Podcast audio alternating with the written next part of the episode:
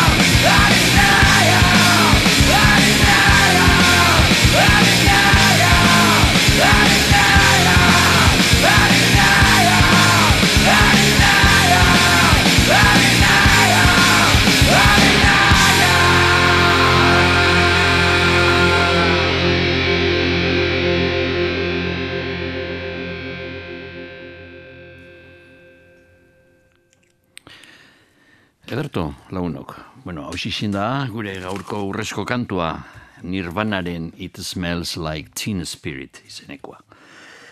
Esan dugu moduan, programaren hasieran e, Josean, Josean Artxe, e, zera, olerkari handiari buruz e, hitz egingo dugu.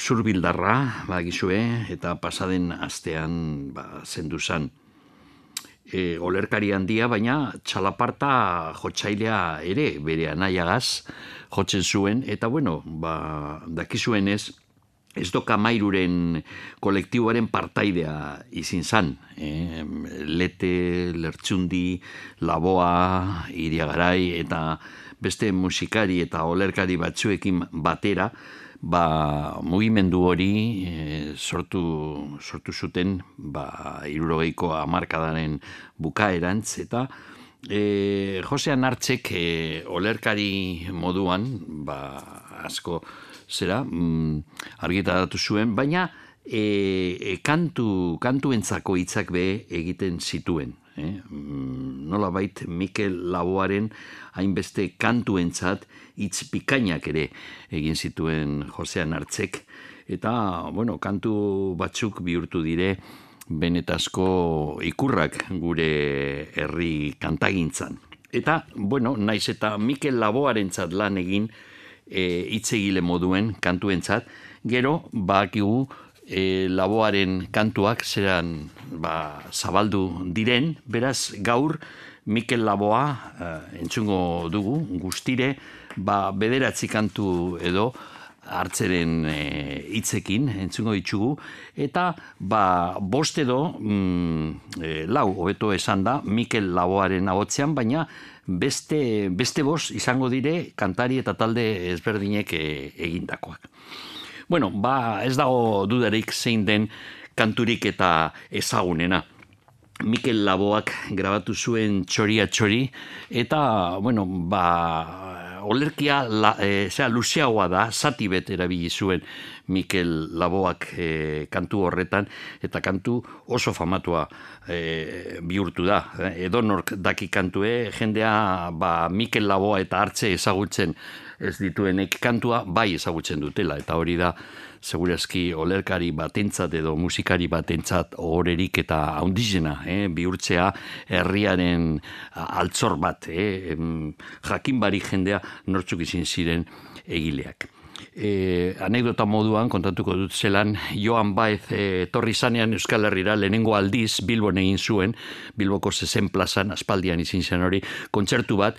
Musikari batzuk iparraldekoak e, itoiz taldean ibilitakoak Jan Marie Kai eta e, beste pare bat edo hiru iparraldekoak ziren eta bueno Joan Baezek gure zauen kantu bat egitea euskeraz eta galdetu zien musikariei ze kantu e, egin ahal e, zuen berak e, kantu bat e, jendeak ezagutuko zauela eta hau batez esan zioten berari joan baezi txoria txori izin behar zela kantu hori eta esan eta egin joan baezek bilbon zuzenean txoria txori kantatu zauen jendearekin batera kontzertu hartan. Orain entzungo duguna da jatorrizko berzinoa Mikel Laboak grabatu zauena estudioan.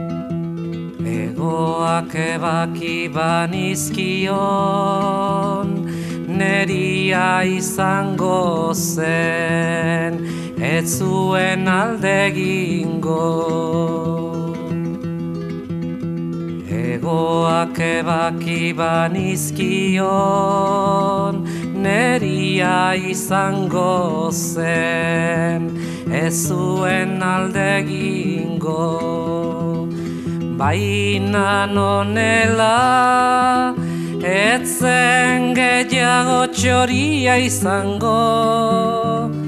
Baina nonela etzen gehiago txoria izango Eta nik txoria nuen maite. Eta nik txoria nuen maite.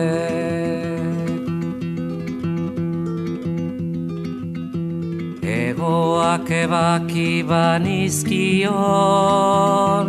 Neria izango zen Ez zuen alde ingo Baina nonela Ez zen gehiago txoria izango. Baina nonela etzen gehiago txoria izango. Eta nik txoria zuria nuen maite Eta nik txoria nuen maite Lara lara lara lara lara Lara lara lara lara Lara lara lara lara lara Lara lara lara lara lara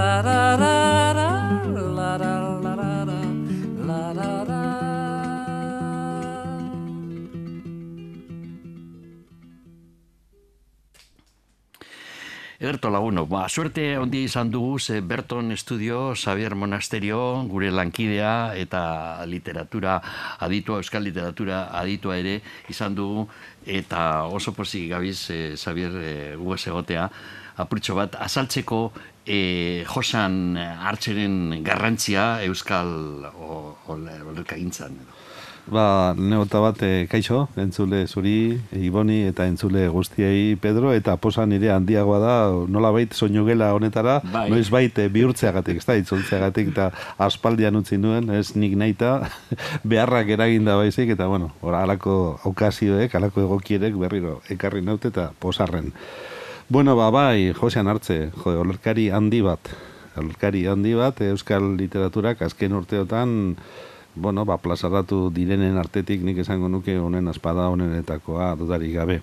Eta azpimarratu bere bere ibilbidean ze azpimarratuko ze azpimarratu beharko litzateken ba niri iritzian azpimarratu beharko litzateke e, oso gizon koherentea, konsekuentea eta librea izan dela. Eta uste izan duen eta sinetxi izan duen horri eutxi diola eta eta bizitza osoan nahi izan duena eta sinestu izan duena egin duen gizona dugula, ezta?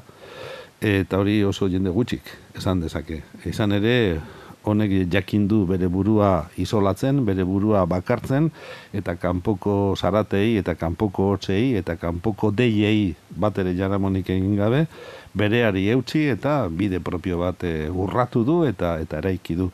Eta nik esango nuke, ba, bueno, alako marka bat utzi duela, ez da Euskal Olerki gintzan. Zertan datzan marka hori? Ba, nik iru, iru alderdi edo azpimarratuko nituzke. Alde batetik, e, natura, naturari sekulako garrantzia eman dio. Asfalto gainean bizi garen hogeita bat garren e, gara honetan, hogeita bat garren mendean, hogei garren mendetik hasi zen bera, baina baita hogeita bat garren mendean ere, natura baten parte garela, gogorarazi digu behin eta berriro josean hartzek. Eta, eta natura horretatik elikatzen garela, eta natura horri kalte egiten diogula. Beraz oso, esango genuke, ekologista gertatu da alde horretatik. Gero gizarte baten partaide ere egin gaitu, eta aspektu konkretu batetik, politikatik baino areago, e, kulturatik, behin da berriro, e, insistitu du, eikin eta eikin ibili da, Euskarak, e, kulturak duten garrantzia herri bat osatzerakoan.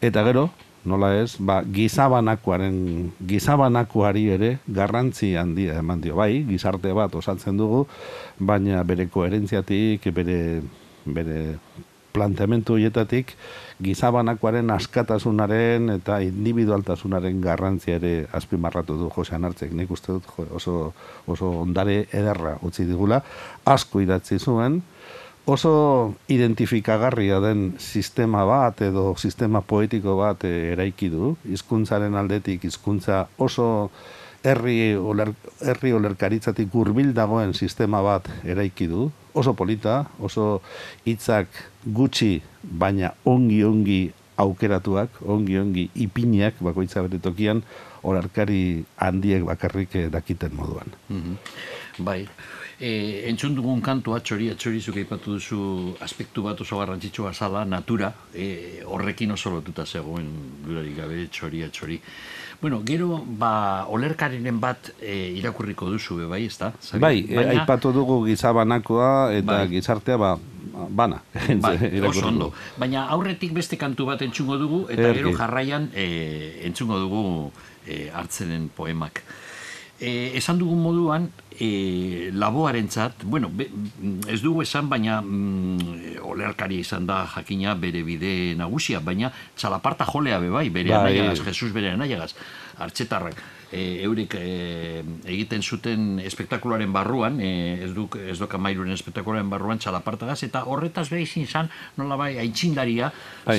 txalaparta nahiko ez ezaguna zen. Desagertzea zegoen. Hori da, horrexea, bai. gipuzkoan mantentzen zan e, leku txiki, e, zea, gitxi batxuetan, eta eurek berreskuratu egin zuten, eta zabaldu egin zuten, beraz musikari moduan be, bere garrantzia, izan zuen. Gogora ezagun ez bai. dok, ez dok amairu taldeko kide izan zela Josean Artze, bai. eta, bueno, nola baite bai, bai. puntako kide. Baina. Bai, bai, oso garrantzitsua be bai, eta zuzenean, e, e, zera, ikimilik-lik zerean, parte hartzen zuten zuzenean eskenatokian. Bai. Eta gero, Mikel Laboaren txat, e, egiten zituen hitzak edo, bueno, berak idatzetako olerki batzuk, e, gero Laboak egiten zituen kantuak holan, eta mm, horretaz aparte, berak e, nik uste dut jat jatorriz e, berarentzat bakarrik, laboarentzat bakarrik egin zituen hitzak, kantuen hitzak, baina gero kantuak zabaldu egin dire. Laboa da ikurra handi bat e, euskal kantagintzan eta bere kantuak zabaldu e, egin dire asko gainera, igual ba lete edo lertsuindean, baino gehiago versioneatuak izan dire, badauz gutxienez bi disko osoa berzinoekin, eta bueno, asko eta asko dauz. Guk aukeratu dugu orain, e, txeroki izin zan, ondino Mikel Laboa bizirik zegoenean, Mikel Laboaren kantak, e, kanta batzuk, e, amaika kantuak edo, aukeratuak eta bertsioneatuak eta ba, hemen egon zan e, zaude lasai kantuaren bertzio eder bat. Xavier Montoya beste idazle handi bat bebai, gazteagoa, baina idazle handia bebai, berak e, sortu zuen talde garrantzitsu bat emeak izenekoa, talde aintzindaria gainera e, aurretik joan ziren horrezegatik agian arrakasta izan zuten gara hartan eta entzungo dugu txeroki diskorako Xavier Montoyak eta emeakoek e, prestatu zuten zaude lasai kantuaren bertzioa. Hau da.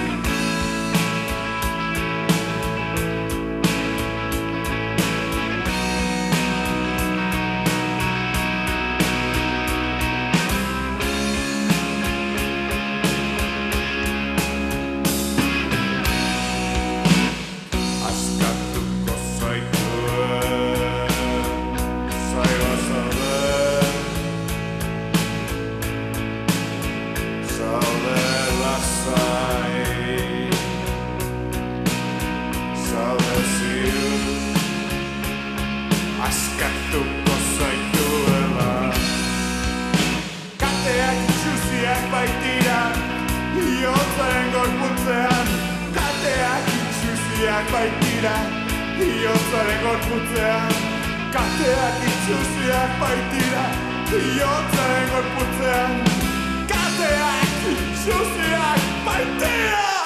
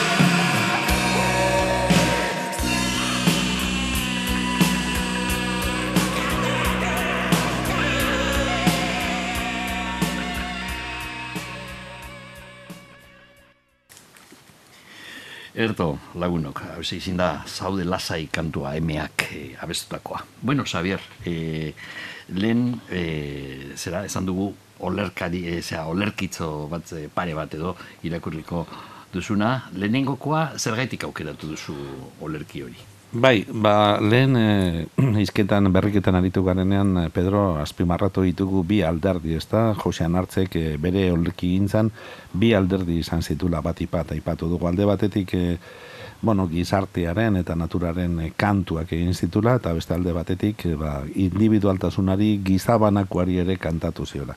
Eta aukeratu dudan honetan, ez duzen ere, gizabanakoaren apologia bat. Bere askatasunaren, bere individualtasunaren apologia polit bat eh, ikusten dugu, eta ondo ebitzen bazizu, irakurrik. Bai, guztiz adoz, Gauza berbera guztiokera ezberdinean ikusten. Zuk bezala bezala dakusanik ez duzu inor zuk ikusten diozuna, ez dio beste inork ikusten. Bestek ikusten diotena ere, noski, zuk ez ikusten. Milioika balira ere, arritxo txikia lekusketenak, guztiek lukete ezberdin ikusiko. Eta are beste mila milioiek ere, bakoitzak alderdi berri ezberdina ikusiko lioke, horren mugatua dirudien arritxoari. Arritxo horrek, zerbait mugagaberik duen seinale? Ez ote? Oso olerki garrantzitsua ez da? Ni uste oso, oso polita. Bai, bai, denok bai. gara arritxoak, baina denok ditugu erpin, mm. denok ditugu e, nolabait osaera, denok ditugu izaera ezberdinak eta denok aportatzen dugu e, zerbait, ez da? Eta denok gara importanteak e, gizarte hortan, baina individualtasunetik. Eta kantuetan, Xavier, e, ikusten duzu, aipatu dituzun e, zera, mm, gaiarik eta garrantzitsuenak bebai, kantuetan, bueno, bere hitzekin egindako kantuetan, edo, edo bai, beste bide batetik. Nik uste dut, e, bueno, mori, nik baino asko zobeto dakizuzuk hori, e, olerki gintzaren irakurlerik eh, onenak e, musikariak izaten dira. Eta handik elikatzen direlako, ez da nolabait hitzak eta askotan handi jasotzen dituztelako. Eta olerkari batek, hainbeste musikari lortu duenean edo bildu duenean beringuruan, hori zerbaiten seinale da, hor karitate eta kategoria handia dagoen seinale da hori. Hartzek, eh, aipatu duzun bezala, hori ze lortu du lehenbizi, bere bosgorailu handiena Mikel Laua izan zen, baina Mikel Lauaren bitartez, gero beste asko, bigarren belaunaldi batean beste asko etorri dira. Eta nik uste dut, eh, belaunaldi gazteko musikari horiek eh, jakin dutela, eh? bere alderdi guztiak kontuan hartzen, eta batipat, batipat, segurazki ba, alderdi soziala eta alderdi naturista hori edo bildu dituztelakoan da honi. Bai, ni behin kontatu izu lehen hasi baino harinago elkarrezketatxo hau, e, behin egon nintzen berarekin, aspaldi aspaldian, nik amazazpi urte nituenean, beraz orain berrogei urte baino gehiago, eta oso gaztea nintzenik e, erdaldun utza, eta bueno, e, literatura aldizkari batentzat egin nion elkarrizketatxo bat beste lagun bategaz, eta gogoratzen naiz, berak e, kontatu zigun niki milikilikliken espektakuluaren zera, eta bueno, sati batzuk bebai, mm, zuzenean elkarrizketa hartan esango nuke nik eh, kontatu baino errepresentatu be bai eta zuk esan duzu moduan ba musikarekin lotura hondia zuen musikaria zan bai, gainera bai, txalapartagaz eta egiten zuena zan ikaragarria zeran azaldu zauen bere lana ikimilikiliklik zeran entzat e, eh, azaltzen baina esan dudan moduan ia errepresentatzen edo Bueno, entzungo dugu beste kantu bat, eta gero beste olerkari bat irakurriko duzu. Beste olerkitzu bat, Beitu, urrengo kantua da berak egindakoa eta mm, denboraz bihurtu da e, gehienetariko zabaldu dan kantua gure bazterrak izenekoa. Gainera, guretzen naiz, e, e, Paco Aristik komentatzen zauen egunen baten e, zentzurari buruzko zerean zelan, kantu hau zentzuratua izin zan, inok ezauen ulertzen zergaitik, baina Mikel Laboa grabatu egin zuen, eta nik uste dut kantua zuzenean, e, ez nago ziur, eh? zuzenean egin alzan, baina irratian ezin ipine edo, agian alderantzi zan, e, bai, zu, zentzuraren e, erokeria hori. Zorakeria. bai, gainera esan e, horretaz be konsistentea, eta nik uste dut, e, ba, esparru batean zegoen izten zuten, eta bestean ez, eta berak e, aristik esaten zauen, zin zauela ulertu, osea, gure bazterrak e, gusten baduzu kantu be, olerkia, ba, ez dauka benetan, batek daki zenzorak zer imaginatu egin zuen, ze, e, nora eroan zion poema. Bere itxumenean, ez da? bueno, entzungo dugu, zuzenean Mikel Laboa grabatu zauen e, estudioan, hasieran baina gero, e, zuzenean be, agertu zan disko batean, e, laro gaita e, amazazpian kaleratu zan zuzenean izeneko Mikel Laboaren disko hori, eta hortik aukeratu dugu gure bazterrak e, kantuaren bertzioa. Hau Maite ditut maite gure bazterrak lambroak izkutatzen dizkitanean. Maite ditut maite gure bazterrak lambroak izkutatzen dizkitanean. Zer izkutatzen duen ez ditanean ikusten usten. Orduan azten bai naiz izkutukoa nere baitan pizten diren bazter miresgarriak ikusten.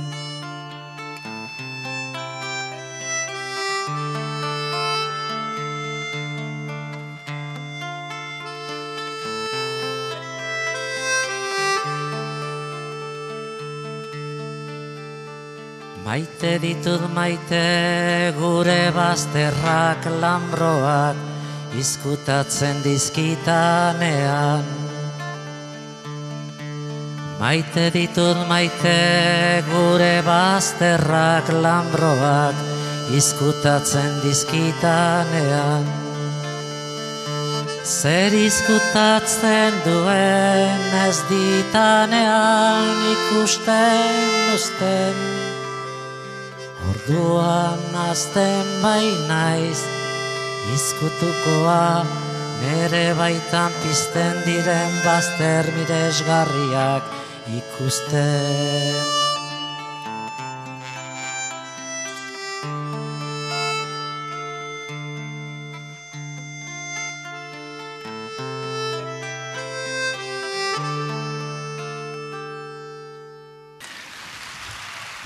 Ederto, Xavier.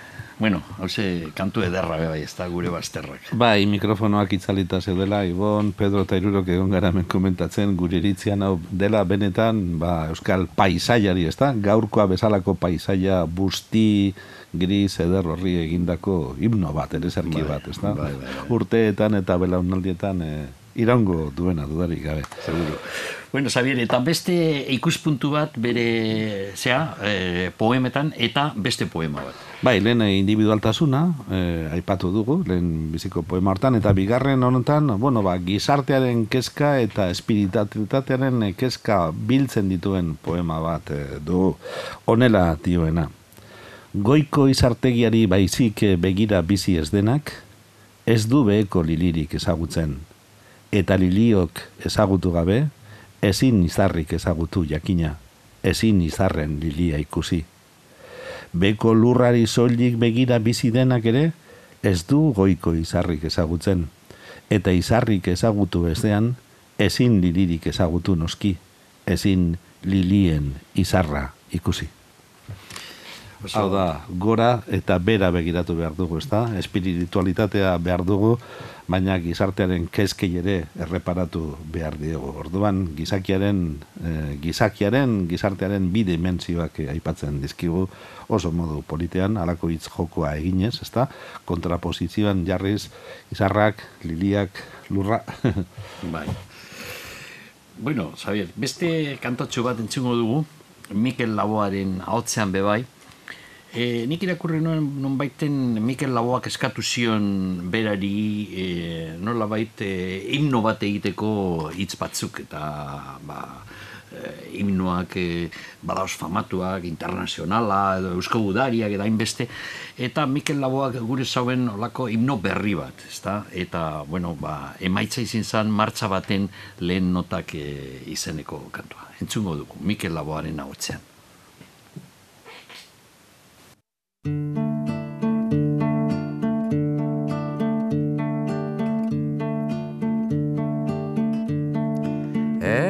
Euskiak urtzen du goian, gailurretako elurra, uarkada jauzten ibarrera, geldi gaitza den oldarra.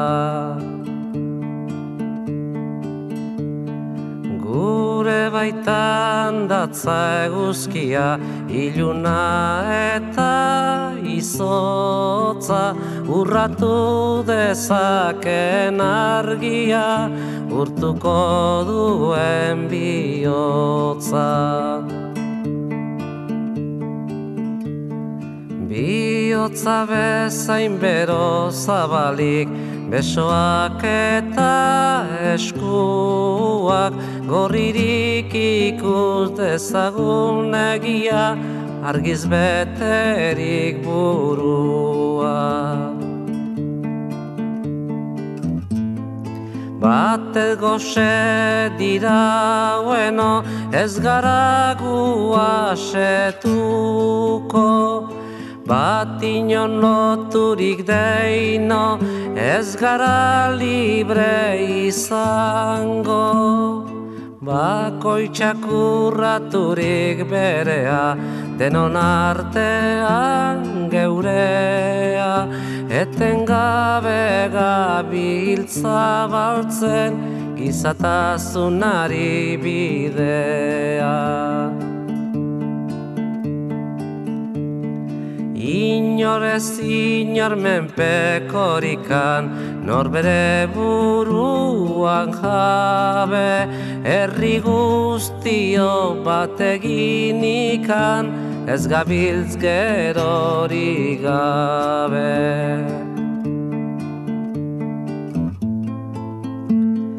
Bat goxe dira ueno ez gara guasetuko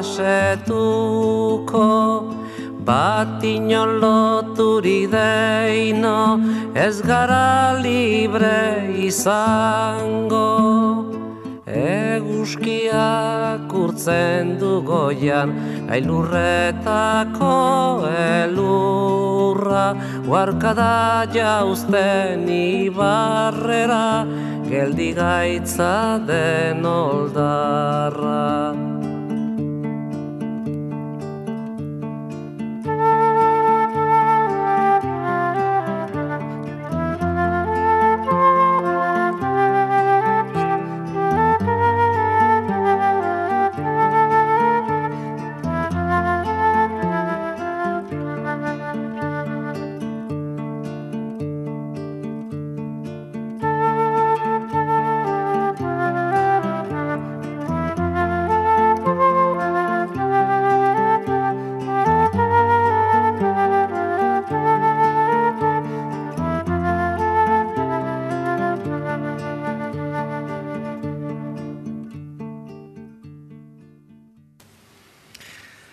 Bueno, Xavier, mi esker guaz egoteagatik eta laguntxagatik eh, hobeto ulertzen Josean hartzen e, olerkiak eta bere lana. Ba, nik zuri itzultzen dizkizut eskerrak, gonbidatzagatik eta berriz ere soinugela edarronetan egoteko aukera matagatik eta itzuliko naiz, sarriago hemendik horre. Alba dut. Oso, oso gustora hartuko nuke nik hori, nik eh, eh, egon naiz azkenengo ja urteotan ez dakite noiz joan zinen, baina... Eta nik bai. e, utxunea nabaritu, baina bueno, behintzat interneten bidez, oso, oso gertutik jarraitu dute soinugelaren ibilbidea. Bueno, Eta benetan gora ipatzeko iruditzen zait. ulertzen du bestetik eh, zuk beste lan batzuk egin behar dituzunak eta ezin bestekoa zarela beste esparru Ez, da egia hori. Bada, bada. Mila esker, Pedro. Zuri, zuri, Xavier. Bueno, eta entzun gure bazterrak kantu handi hori, Xavierrek be aztertu dauena guretzat programa honetan entzun dugu, eta Ruper Ordorikak grabatu egin zuen, e, zera, txinaurriak izeneko e, berzino disko horretarako, baina gero Ruperek be, Ruperrek be sartu zauen grautako berzinoa azukre koskorrak orain lau bosturte egin zauen berzino disko batentzat hor egon ziren kantuak hainbeste jotzaileentzat eta Mikel Laboaren gure bazterrak be e, aukeratu zuen eta jakina Josean hartzenak dire hitzak.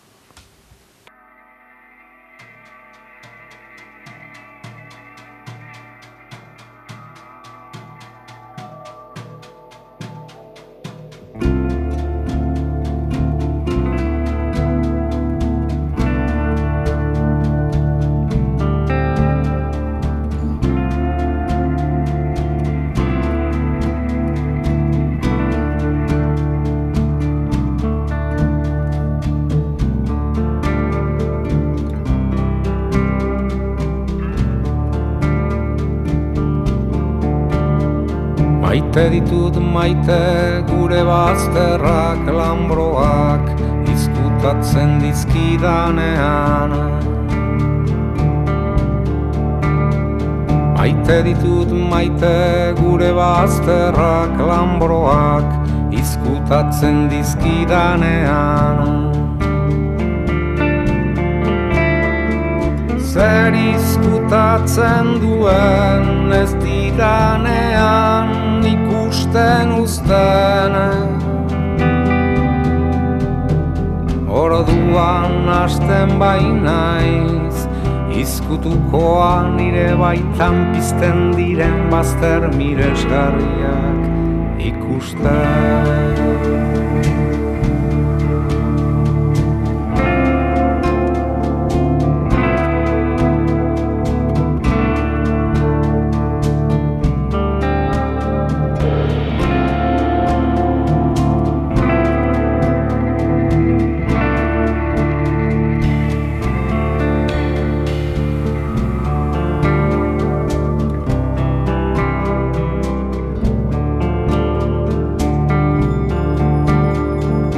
Maite ditut maite gure bazterrak lambroak izkutatzen dizkidanean.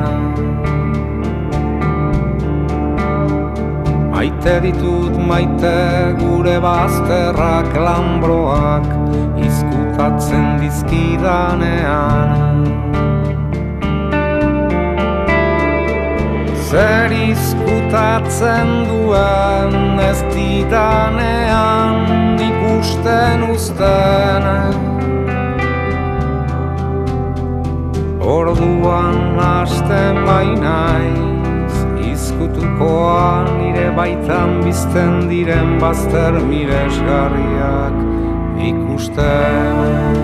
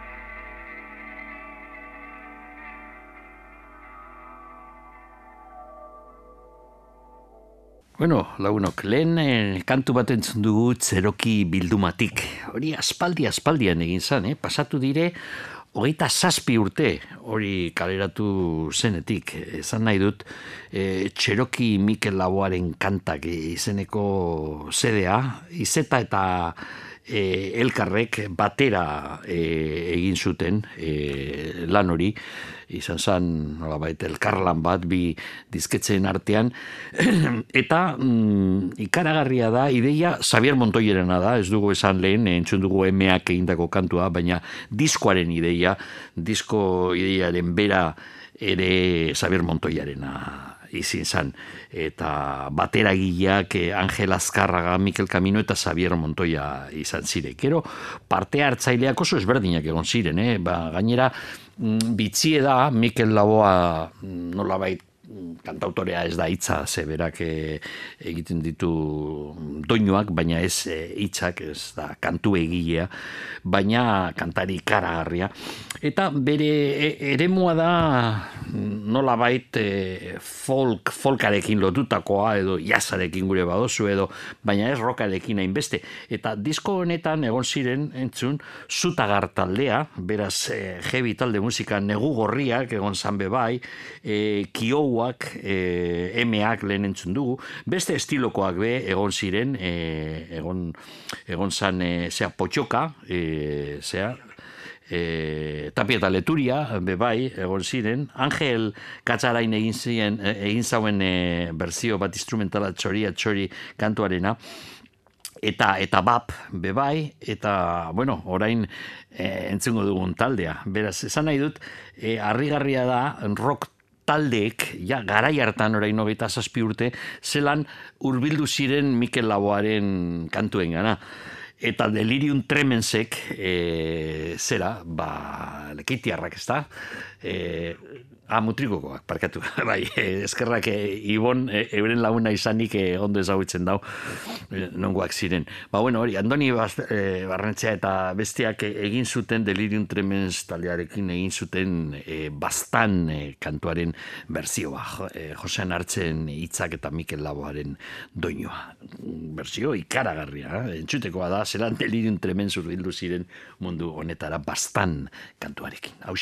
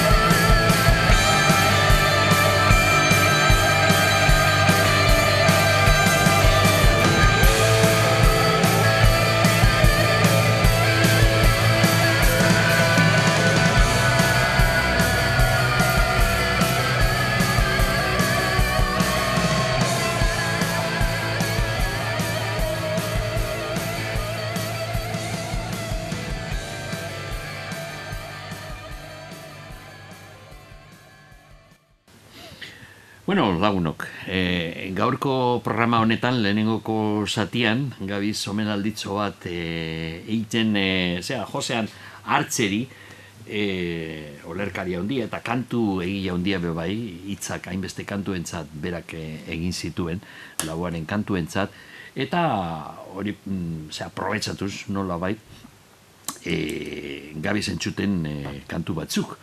Eh, Mikel Lauaren eh, beste mm, hiru kantu entzun dugu aurretik eta laugarren bat entzungo dugu ontxe. Silbor esteak izeneko kantuaren berzioa, hori Mikel Laboak bere zera, e, ibiludiaren hasierako grabaketa ezin zan eta orain entzungo dugu Silbor esteak e, Josean Nartzek egindako hitzak kantu e, honetarako eta hau da Mikel Laboaren berzio, jatorrezko berzio.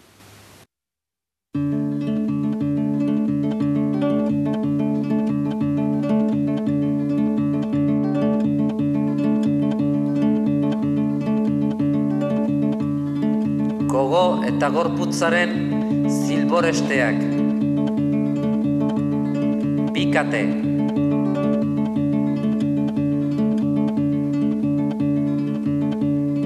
Pikate biak ebakiko beharrezkoak, bat gorputzaren bizitzeko, bestea gogoaren askatzeko, Adizu ama badakizu Sortze berean zuri gorputzez Lotzen induen zilboresteak Sendagileak nola eten zuen.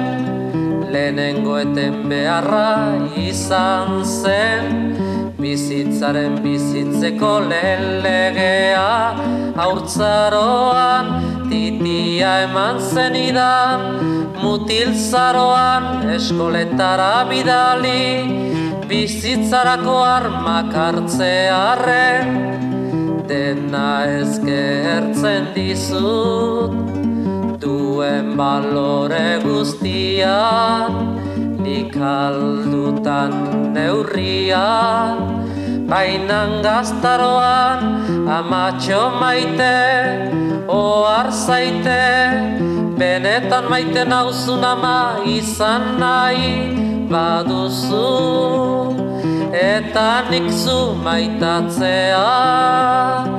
Ni naizena nik izatea nahi duta nahi izatera Utzi behar nauzula. Hau baita bide bakarra biok alkar sanoki maitatzeko biok alkar osoki eta betikoz maitatzeko zuk zuren hortasunaz nik nereaz. Zuk zuren hortasunaz nik nereaz ama eten dezagun. Lehen gorputzaren nabezela orain gogoaren zilborestea ama gogoaren zilborestea larara lara larara lara larara lara larara lara larara lara larara lara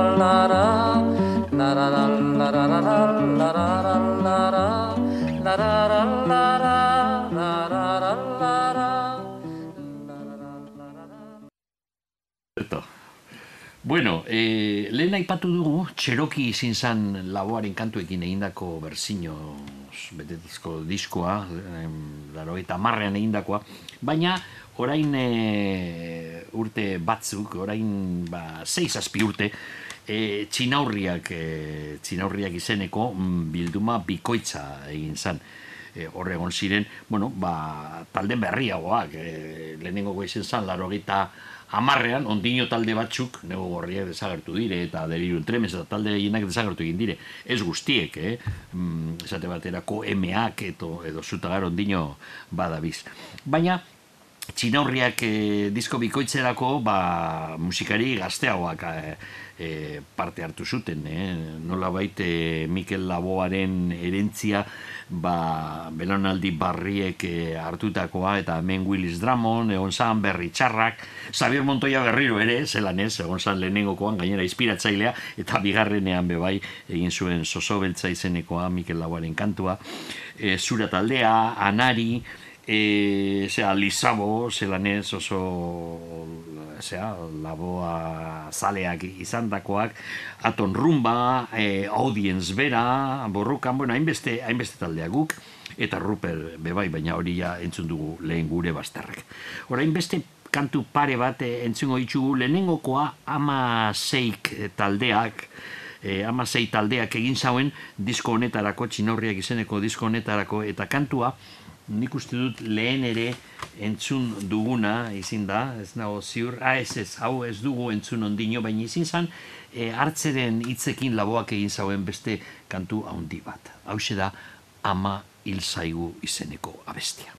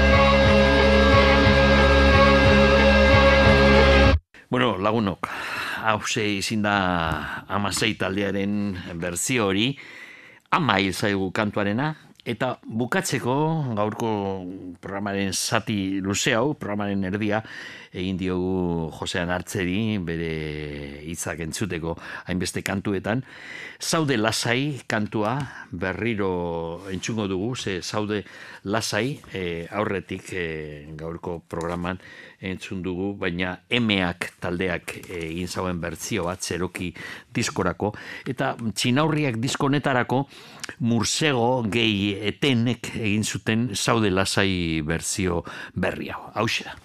Askatuko zaituen zaiba zaude zaude lazai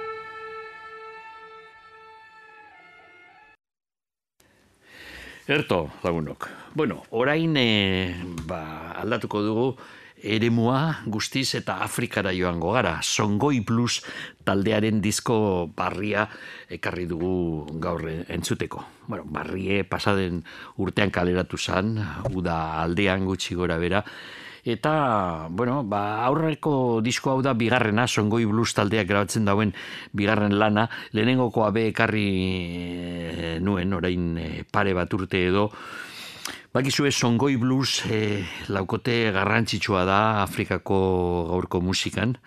Eurek e, maliko timbuktu iriko musikariak dire. e, eurek e, Bamakon egin zuten taldea, Maliko hiriburua Bamakoa da, baina eurek beste esparru, beste alde batekoak dire, eurek e, basamortukoa, basamortuko ingurukoak dire, Timbuktutik e, erbesteratuak egon ziren Bamakon, baina Timbuktu e, aldekoak dire. Bakizue, e, hor tuareg e, gudak, aspaldidanik egon dire, arazoak hor Timbuktu inguru horretan eta Saharan, e, bakizue, e, ba, rali famatu eta madarikatu hori, orain ego Amerikan egiten dana, Paris Dakar ondino du izena, eta Afrikatik joan behar izan ziren horrezegatik, e, zera, tuaregen e, gudak egon zirelako. Eta, bueno, ba, mm, zera, jihadista e, e, parte hartu zuten bebai, e, nola baitu aregen gudak e, e, zera, zuetena lortu zuten, e, paketsua egon ziren urte batzuk, baina jihadistek e, mm, pasatu ziren hortik eta ba, berriro sortu zan e, kriston e, zera indarkeria egon zan, eta bueno, hainbeste gainera songoi blusekoak musikariak izanik arrisko handiak ziren eta eskapatu behar izan ziren bamakorantz eta Bamakon sortu zuten, erbesteratuak e, zirenean, sortu zuten e, Songoi Blues e, taldea. 2000 eta amabostean grabatu zuten lehen aldiz, eta pasaden urtean, esan dugun moduan, Resistance izeneko euren bigarren lana egin zuten. Euren esparro musika basamortuko blusa deitzen dioten horri, eurek egiten duten musika. Nola baite blusarekin badu E, harremanen bat e, agian e, ametsatua, baina mm, bestetik e, tamasenkek e, musika eta blusa badauza harremanatuak eta blusa ezin astu nondik abiatu ziren e, gero estatu batuetan egoaldean blusa sortu zutena euren arbasoak e, Afrikatik eroandoak e, esklabu moduak izan ziren, beraz badago dudarik, bade, duda, dudarik gabe loturaren bat. Bueno, entzungo dugu kantu bat, e, Songoi Blues Resistance izeneko bigarren disko honetan dagoen e, kantua, Bamako, deitzen da, esan dugun moduan Bamako da e, Maliko hiriburua eta bertan e, egon zirenean, e, sortu zuten taldea. Esan behar duguna da produktorea, disko honen produktorea Neil Camber, e, Inglaterrako e, produktore garrantzitsua da, eta berak e, izin da e, disko honen produktorea. E, grabazioa egin zan Londresen, eta ba, Neil Camber izan zuten songoi blueseko blues taldearen musikariek e, bere laguntza. Hau da, Bamako izeneko kantua. Samedi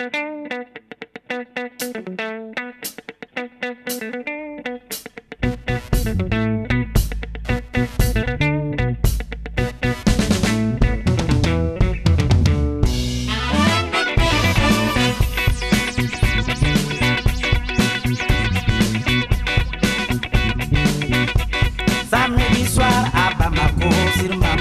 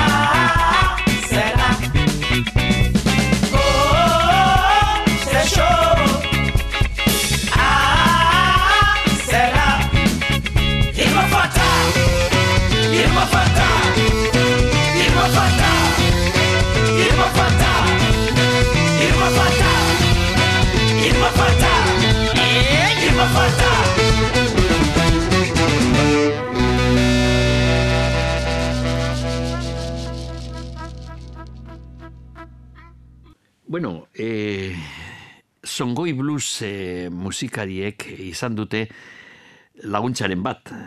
Urre, urrengo kantua, urrengo kantua da Zahara izenekoa, badakizue, arabieraz Zahara basamortua esan nahi du hitz horrek eta Zahara izeneko kantu honetan nork, noren eta Iggy Popen laguntza daukate. Kantari moduen Iggy Pope onzan songoi blues eh, musikariekin estudioan.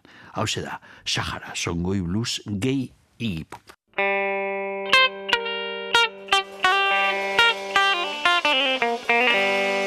Going to the Sahara, baby.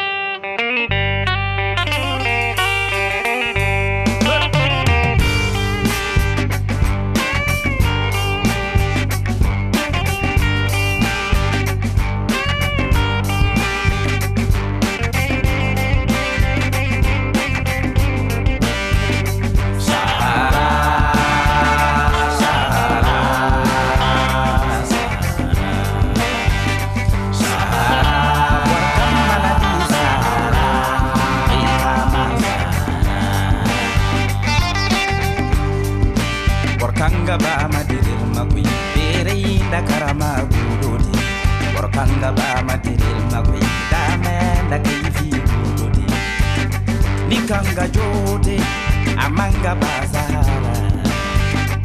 Little Makuya Gamma,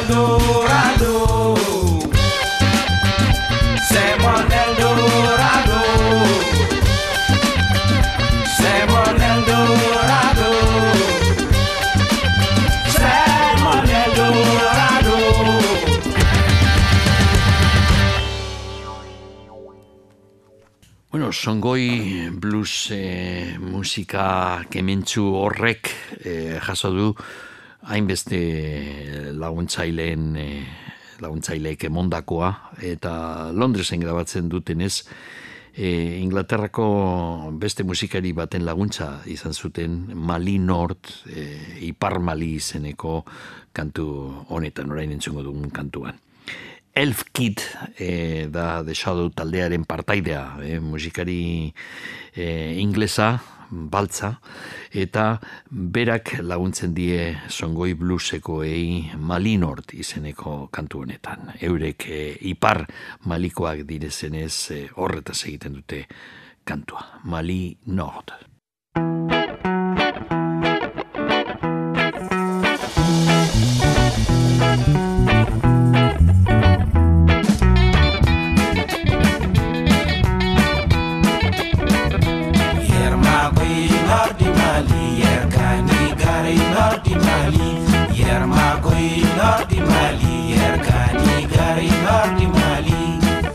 Yerma koi nordi mali yer kani gari nordi mali.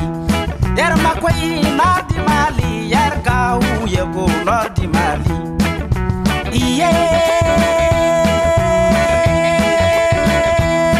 Andurunya ya Irbunda marafute kullu zum shiben Argunda ri futu ir bunda witi vudu ir faranda ngare i bobo wati kul kala sara jina nga madam yer ma koy nordi mali yer kani gare nordi mali. Yer ma koy nordi mali yer kani gare nordi mali. Afoyo koy burkina afoyo koy mauritani afoyo koy indonesia.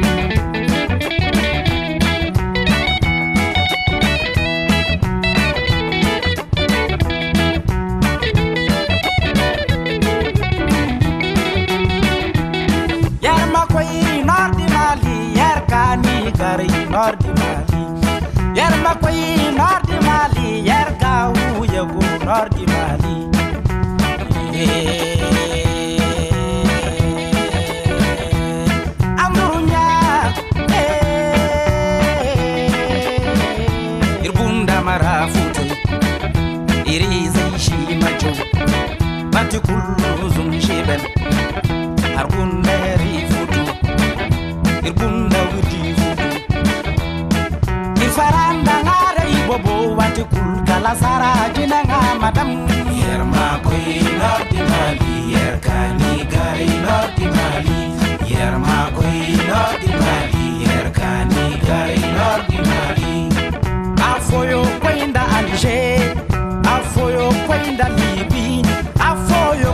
Lampedusa Take me back to my country where people are starving and hungry. Don't judge me, the things they do is a fuckery. What do you mean these kids are in? No money and nowhere to sleep, but trust that only gets deep. Education is not cheap, but that's what these youths need. So take me back to my home. We want peace, we wanna breathe, not grieve. You chief, ain't trying to be six feet beneath the land they told us to leave. That's why we asylum seek to the UK where our lives is peak. Some once lost down the same ones had a shout at sea, and still trying to rob us of culture. So we gotta stay true to the nation, make money, rebuild our foundation, put end to the constant hating. And rise up 'cause Africa's waiting, rise up 'cause Africa's waiting.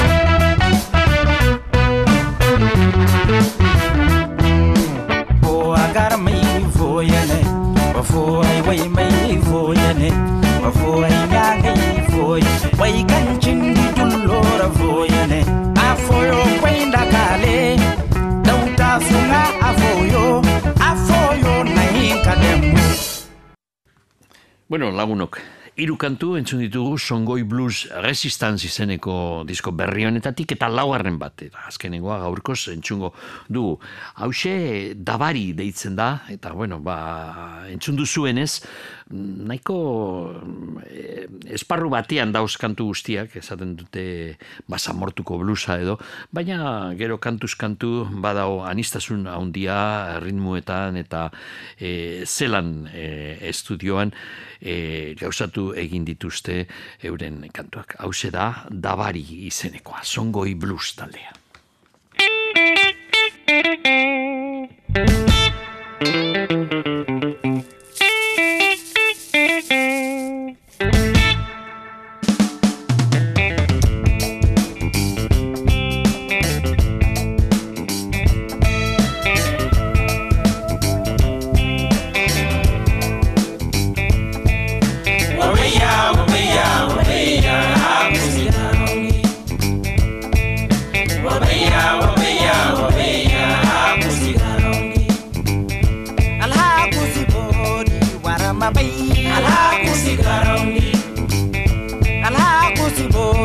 bara mabai ala kusigarongi wala iganda iranda jeregame ala kusigarongi dalkanda tajinda jeregame ala kusigarongi wala kurunyanda wa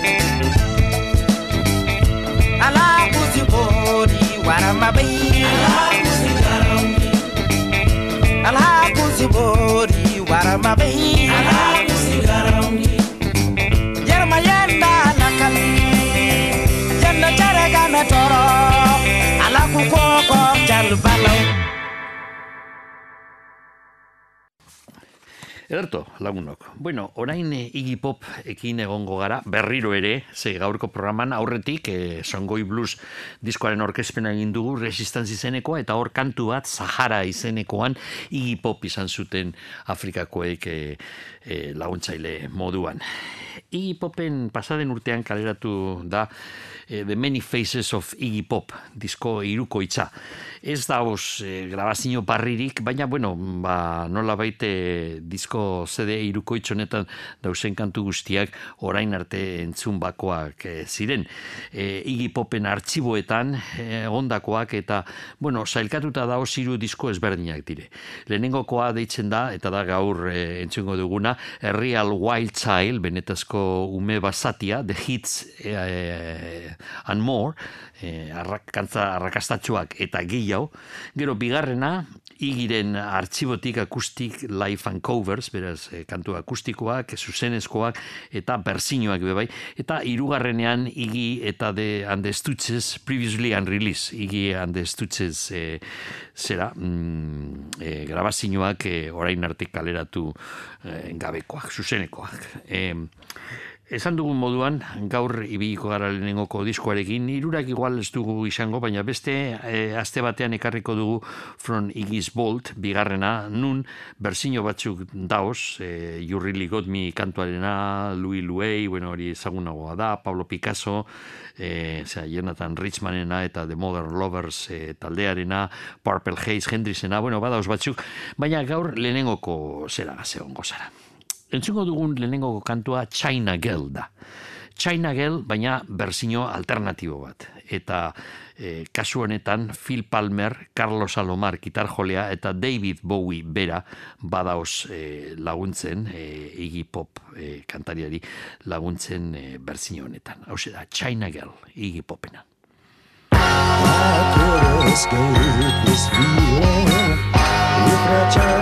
could I'm just a wreck without my little China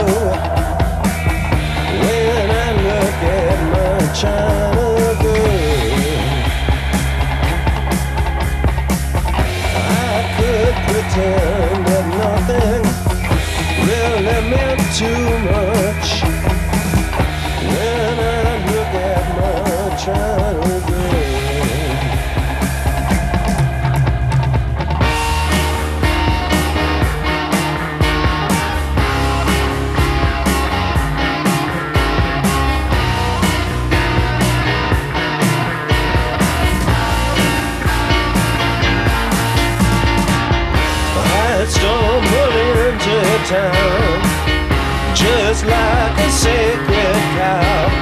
Visions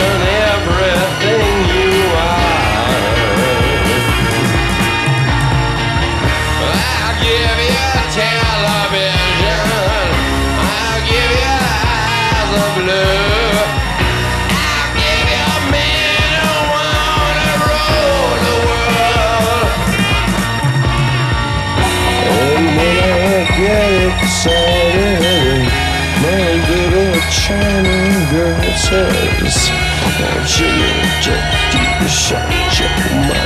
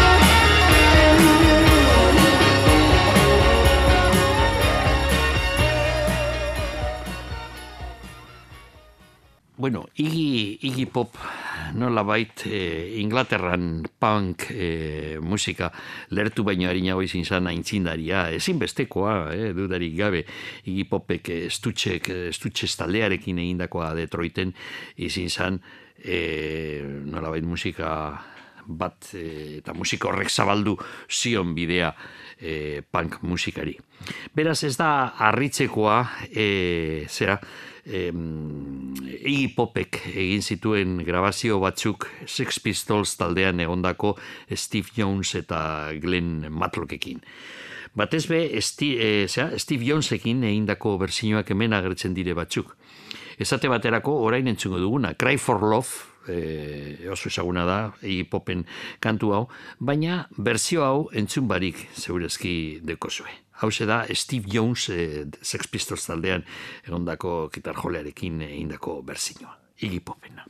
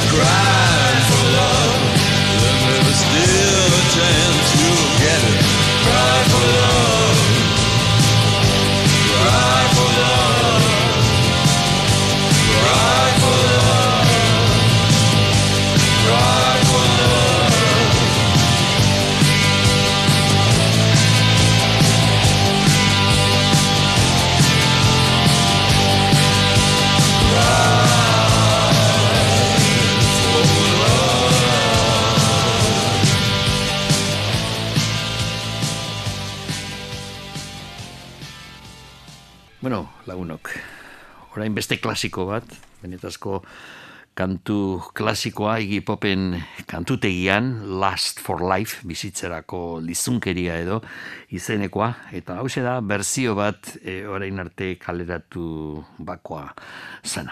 Hau da Last for Life.